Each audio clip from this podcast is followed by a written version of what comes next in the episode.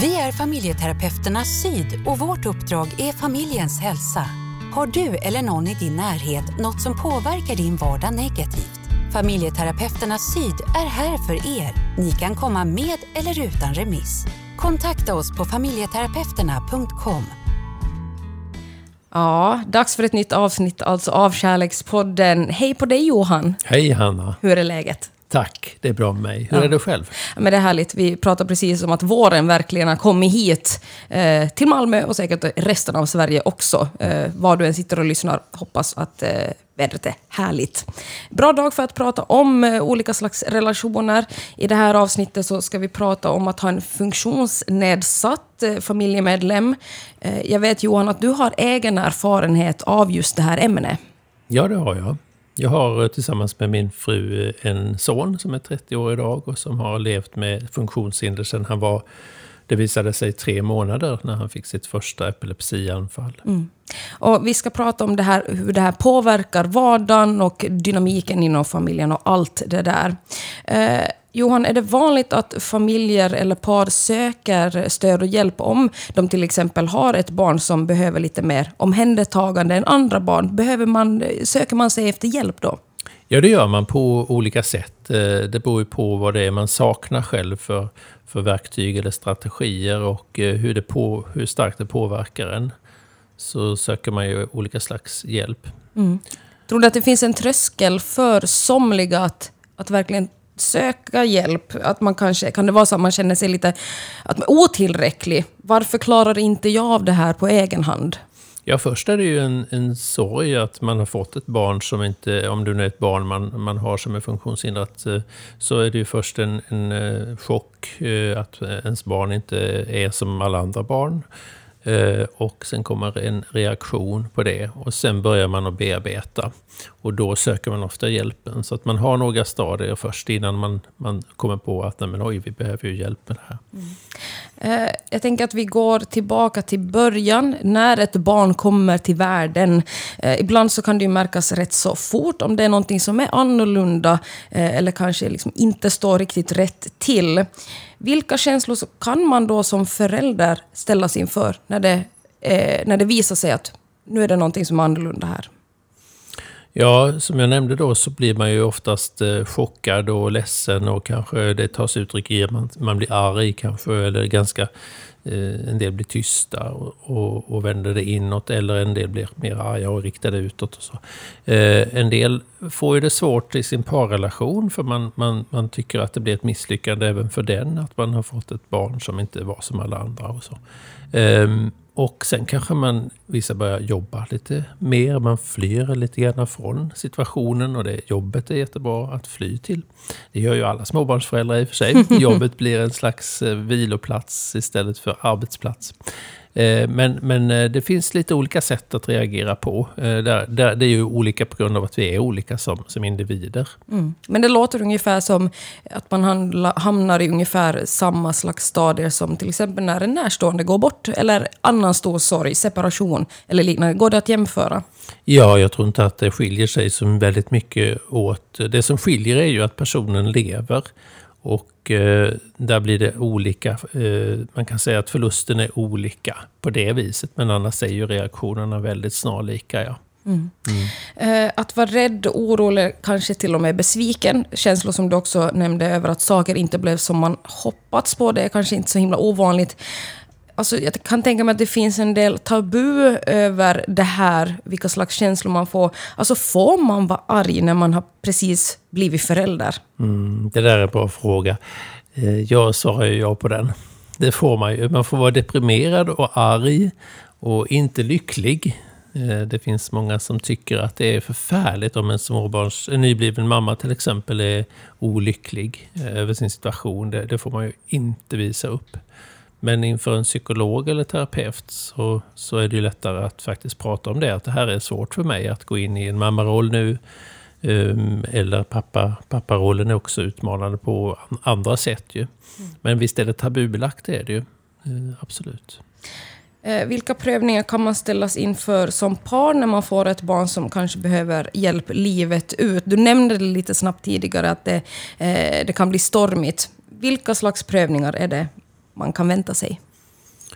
Ja, alltså om man ska lära sig att hjälpa ett, en familjemedlem som inte kan själv det man brukligt kan. Eh, det kan ju handla om att man kanske inte kan gå om man har ett rörelsehinder.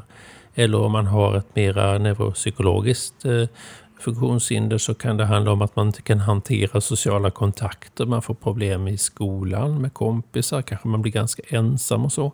Som barn, ungdom. Eh, och det är klart att det där ska ju föräldrarna, paret, förhålla sig till hela livet. Eh, vilket man ju gör med vilket barn som helst. Alla individer är ju olika, så man förhåller sig till varandra. Eh, men här blir det en extra dimension. Det blir någonting som är mera utmanande för det är inte känt. Man vet inte hur ska jag hjälpa mitt barn när det har den här typen av problem. Och där är det ju många gånger utmaningen att försöka att bli eh, kompanjoner. Paret, I paret behöver man söka eh, styrka och eh, gör man inte det, utan det blir ett fiendskap, att man blir ovänner mycket kring det och konflikter och så, så går man ju ofta isär. Man, man delar ju ofta på sig. Man ser ju det att det finns en något högre skilsmässofrekvens i, i de familjerna, där det finns en extra belastning. Du lyssnar på Kärlekspodden med familjerådgivaren Johan Hagström och mig som är programledare, Hanna Palm. Den här podden handlar om relationer och hur vi kan förbättra dem. Eh, den första tiden med nya omständigheter är säkerligen turbulent kan man tänka sig. Eh, vad kan man göra för att hålla sig flytande just under den här första tiden? Jag tror att det bästa sättet är nog att försöka trösta varandra. Alltså att se att det blev en sorg, en förlust eller någonting som blev så annorlunda som man blev lite ställd på bar backe. Att man liksom, ja, försöker hjälpa varandra. Eh, där. Det är inte alltid så lätt för man kan vara i lite olika fas i den där reaktionen. Då. Eh, de här olika skenorna som jag beskrev innan. Först blir man chockad och sen, sen kommer reaktionen. Ehm, och då kan man hamna i ofas och det där kan bli ett problem för paret. Men det bästa är egentligen att försöka stötta varandra och finnas där som, som varandras hjälpare på något sätt. Eh, de allra flesta föräldrar är ju stolta över sina barn och älskar dem oavsett vad. Mm. Eh, men det kanske kan kännas lite jobbigt att låta ens övriga familj och vänner träffa bebisen om det är så att det visar att det finns en, en eh, funktionsnedsättning. Man vill ju att omgivningen ska behandla ens barn som alla andra. Hur kan man göra för att det kan kännas bra och tryggt? Och framförallt, har jag rätt i min analys om att det här kan vara en, en jobbig jobbig första, eh, vad ska man säga, jobbigt möte som man måste förbereda sig för. Ja, det har du rätt i. Jag själv kommer ihåg hur jag kände det när vi skulle gå iväg ut på olika tillställningar. Bland annat en karnevalståg i Lund när Emil var väldigt liten. Och hur vi mötte ett annat föräldrapar då med sitt barn som var ungefär samma ålder. Och jag upptäckte med mig själv att jag försökte dölja eh, avvikelser som fanns i min sons rörelsemönster till exempel. Eh, det var, jag skämdes ju eh, faktiskt. Så, att, eh, det, det, så, så, så, kan, jag tänker mig att det måste få vara så därför att det är någonting som jag måste, man måste bearbeta. Att, att det här som har drabbat mig är annorlunda. och Jag kommer att bli bemött med rädsla kanske, osäkerhet, eh, plumphet från andra i omgivningen som jag ska hantera. Så jag måste lära mig det också. Mm. Eller att andra tycker synd om en och så vill man inte att någon ska tycka synd om en för man har ju ändå fått ett barn. Men så blev det annorlunda. Så, så det, det, det är mycket knivigheter där i början som jag tycker man eh, vi fick ju hjälp. Jag tänker man sök, ska ju söka hjälp där för att jobba med de här känslorna. Mm. Så att inte det blir någonting som stannar kvar för länge. Alltså det kan ju drabba barnet på så vis att, att man då går och bär på känslor som är väldigt tabubelagda och som inte man, man, man öppnar upp för och pratar om. Och, så. och det, drabbar, det drabbar ju barnet och familjen överlag. Mm. Mm. Finns det risk att man isolerar sig eh, som familj om det är så att man känner att ja, men jag, eh, jag orkar inte hantera hur omgivningen kommer, kommer reagera? Ja, det finns, det finns nog eh, tillfällen där även vi har backat lite grann från att vara med i sammanhang där det, där det skulle då ha kostat på extra energi. Eh, men, men eh, samtidigt så har vi varit kloka tycker jag som har, har velat vara ute så mycket som möjligt. Och, och vår grabb har ju varit med på väldigt många olika aktiviteter. Eh, så att, så att det, det, är viktigt att man kommer ut, att man kommer iväg. Mm. Och då, då blir det viktigt att, att våga bearbeta, jobba med det som är tabubelagt. Så att inte det blir för, för mycket av det. Mm, tillåta sig själv att känna vissa saker. Och det kanske. gör man genom att tillåta sig, erkänna, erkänna att de här känslorna är där. Mm. Och det tror jag också gäller även om man har ett barn utan funktionshinder. Att man kan ju känna olika mycket för sina barn till exempel. Och det är också någonting som är väldigt tabubelagt att prata om. Eh, man kanske älskar ett barn Eh, lite mindre än, än det andra barnet. Mm. Ofta handlar det ju om att det är kanske då ett barn som påminner mycket om en själv och så kanske man inte har jobbat med eh, sin egen självuppfattning. Alltså man kan älska sig själv eller inte. Det, mm. det är där det ofta slår an. Men just att prata om det här, att man kanske inte kan känna riktigt lika mycket för ett, ett av sina barn, det är, det är väldigt tabubelagt. Mm.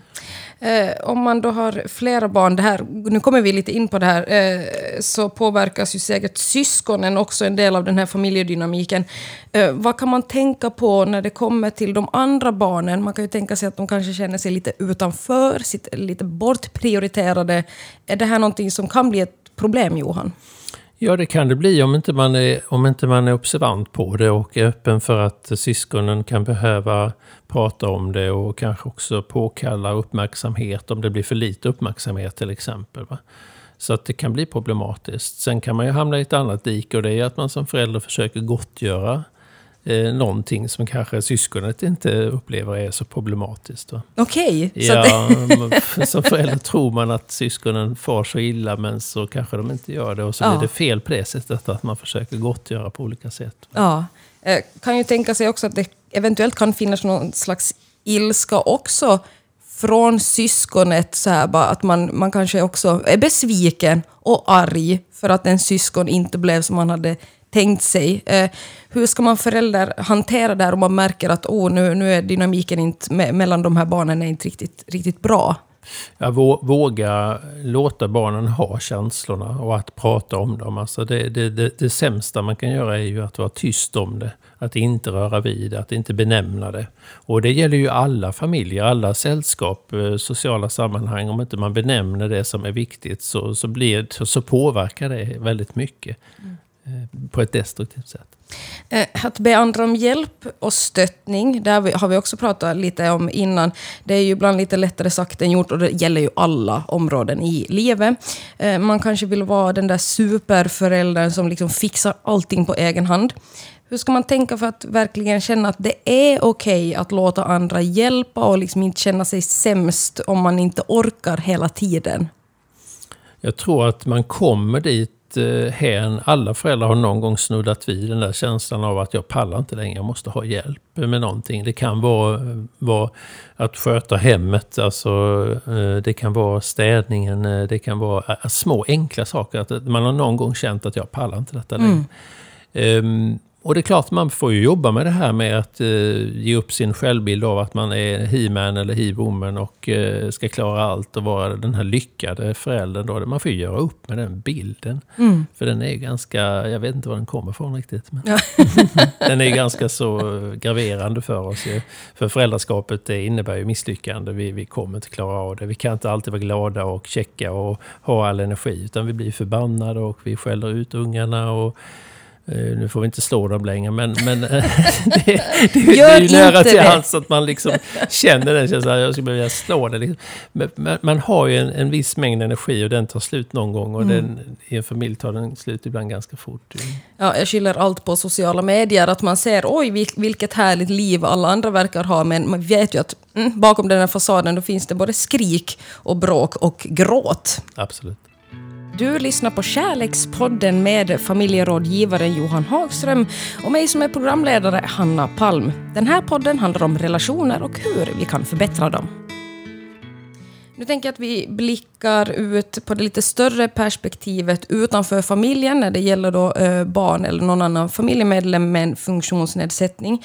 Eh, jag kan tänka mig att det är väl bland det värsta en förälder kan föreställa sig att ens barn blir mobbat eller utstött i skolan. Eh, hur hanterar man den rädslan om ens barn har ett handikapp eller liknande som gör att det sticker ut ganska tydligt från, från resten av barnen? Om det är så att det här barnet går på att, så, så att säga, en vanlig skola. Eh, Ja, återigen, det är alltså jätteviktigt att ha en dialog med då skolan om det skulle vara i skolan. Fritids är också ett sådant område som är känsligt. Eh, det svåraste området är väl eh, utanför de här institutionerna där man kanske då inte, ens barn blir kanske inte bjudet på barnkalas till exempel därför att det ser annorlunda ut eller beter sig väldigt avvikande så att det blir jobbigt för den här, de andra kompisarna att, att bjuda, bjuda hem eh, ens barn. Där är det nog svårare att prata om det. Men annars i skolan och på fritids tycker jag att man som förälder ska prata om sin oro och eh, eh det man känner för, för, för sitt barn där, så att de vet det, liksom, att de kanske kan hjälpa till på något sätt. Ju. Mm. Eh, jag har ju inga barn själv, men jag har väl tänkt mig att om det är så att mitt barn skulle bli dåligt behandlad i skolan av andra barn, då vill jag bara åka dit och liksom ruska om de här barnen. Men det är Absolut. ingenting att rekommendera kanske. Ja, inte barnen, men, men du får prata med, med pedagogerna om situationen. Men Barnen ska man undvika ge sig på. jag tror, ja, det, låter, det låter sunt, Johan. Mm. Eh, hur mycket kan man då alltså kräva från till exempel skolvärlden eh, för att det här ska, ska funka? Man kan ju kanske känna sig som den här jobbiga föräldern eh, som ja, vägrar låta lärarna vara i fred. Hur mycket kan man kräva? Ja, jag tycker man ska kräva det som, det som behövs. Idag finns det ju resurser att tillgå. Alltså man kan ju be om en utredning på barn och ungdomspsykiatrin. Man kan ha en skolpsykolog som följer barnet lite grann och kollar upp det. Eh, det kanske behövs en, en, en stödperson i, i klassrummet, en resursperson för det här barnet så att det ska kunna klara av att, att samspela på ett så gott sätt som möjligt tack vare resurspersonen till exempel. Så att jag, jag tycker man ska absolut kräva eh, att få saker och ting lösta så långt det nu är möjligt. Mm. Mm. Eh, oro är väl överlag en känsla som präglar livet som förälder i stort och smått. Eh, hur hanterar man oron som kanske är då snäppet större med ett barn som har speciella behov? Ja, alltså man hanterar ju oro genom att, att, som jag nämnde innan, man pratar om det. Men man lär sig också strategier att, att lugna sig själv. Där kan man använda mycket, tycker jag, KBT-verktyg som att eh, kolla upp hur man har det med andningen till exempel. Och om man har rätt proportioner på sin oro, eller om det är så att det är någonting som triggar igång i mig, som handlar mer om mig än om barnet kanske. Mm. Så där kanske man behöver jobba i en terapi eller få lite verktyg. Eh, finns ganska mycket att söka själv på nätet också. Mm. Strategier finns med andra ja. ord. Hur kan det se ut då från den sjuke eller funktionshindrades perspektiv? Jag kan tänka mig sen när barnet blir äldre och det kanske är så att man är medveten i, liksom, eh, i sitt huvud om omgivningen, men man kanske då har kroppsliga funktionsnedsättningar. Eh, hur, ja, vilka problem kan de tampas med? Eh, ja, i liksom livet, när man växer upp och kanske ser att eh, andra funkar lite olika än vad jag gör. Mm. Ja, det är ju ett, det är ett stort bekymmer för den personen att den är kanske då mentalt fullt med och förstår vad den skulle kunna få uppleva om den hade då en kropp eller ett sätt att bete sig som var mera komilfå, som var mera PK. Um, ehm, det är ju en, det är ett sorgarbete, tänker jag, den personen måste gå igenom. Mm. Att den har förlorat saker som den skulle kunnat haft på grund av att den föddes med en form av missbildning eller någon form av eh, defekt på, på, på något sätt. Va? Mm. Och, och börjar mer då komma åt, i den bearbetningen handlar det om att komma åt acceptans, en högre acceptans att jag ser ut så här eller jag beter mig så här därför att. Och på så vis få en, en, en självkänsla som är väldigt, väldigt stark jämfört med, med vad många andra har i form av självkänsla. Va? Så att man har det som sin resurs, det, det, det är det man kan liksom eh, matcha, matcha andra med. Att jag har en självkänsla som är liksom snäppet bättre många, mm. än många andra. Jag tror att det är svårt att kräva av andra människor att de ska älska sig själv, men man börjar då med att acceptera sig mm. själv. Acceptans tror jag är bra att prata om. Det. Eh, avslutningsvis, vi har också varit lite granna och nuddat vid ämnet. Hur, alltså vilken slags hjälp kan man få utifrån eh, om familjen inte riktigt orkar med allt själva? Om ens barn har ett eh, funktionshinder. Barn och ungdomshabiliteringen är en viktig institution. De kan eh, tipsa och hänvisa till till exempel kommunala insatser som handlar om stödpersoner, kontaktpersoner, avlastningsboenden. Eh, och man kan också ansöka om personlig assistans om man då har en tillräckligt svår funktionsnedsättning. Mm. Hjälp finns att få, ja. eh, som med många andra problem. Eh, och det kommer vi prata om mer i andra avsnitt. Tack så mycket för det här Johan. Vi är tillbaka snart. Nytt avsnitt, nytt ämne. Tack. Vi är familjeterapeuterna Syd och vårt uppdrag är familjens hälsa. Har du eller någon i din närhet något som påverkar din vardag negativt? Familjeterapeuterna Syd är här för er. Ni kan komma med eller utan remiss. Kontakta oss på familjeterapeuterna.com